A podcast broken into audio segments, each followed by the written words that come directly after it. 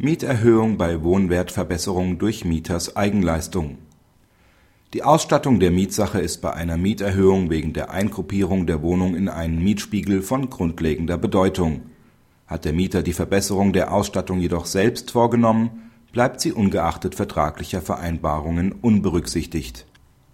Die Mietvertragsparteien vereinbaren 1976, dass der Mieter auf eigene Kosten Bad und Sammelheizung einbaut Entgegen ihrer bisherigen Mieterhöhungspraxis ordnet die Vermieterin die Wohnung aktuell in den Mietspiegel als besser ausgestattete Wohnung ein, woraufhin der Mieter die Zustimmung verweigert. Vor dem BGH bekommt er Recht. Die ortsübliche Vergleichsmiete ist anhand vergleichbarer Wohnungen ohne Bad und Sammelheizung zu ermitteln. Denn vom Mieter durchgeführte und bezahlte Wohnwertverbesserungen müssen insoweit unberücksichtigt bleiben. Daran ändert sich auch nichts durch die vertraglich vereinbarte Übernahme dieser Kosten Andernfalls würde der Mieter die Ausstattung der Wohnung mehr als doppelt bezahlen.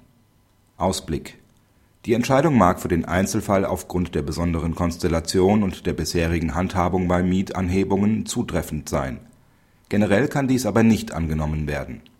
Der BGH betont, dass anderweitige Vereinbarungen möglich sind. Warum in der mietvertraglichen Übernahmeverpflichtung eine solche nicht gesehen werden kann, bleibt offen Zudem ist nicht erkennbar, warum nicht bereits die anfängliche Ausstattungspflicht als Entgelterlass für die Miete gewertet wurde und damit ein niedrigerer Ansatz erfolgt ist. In allen diesen Fällen wird eine anderweitige Beurteilung notwendig werden.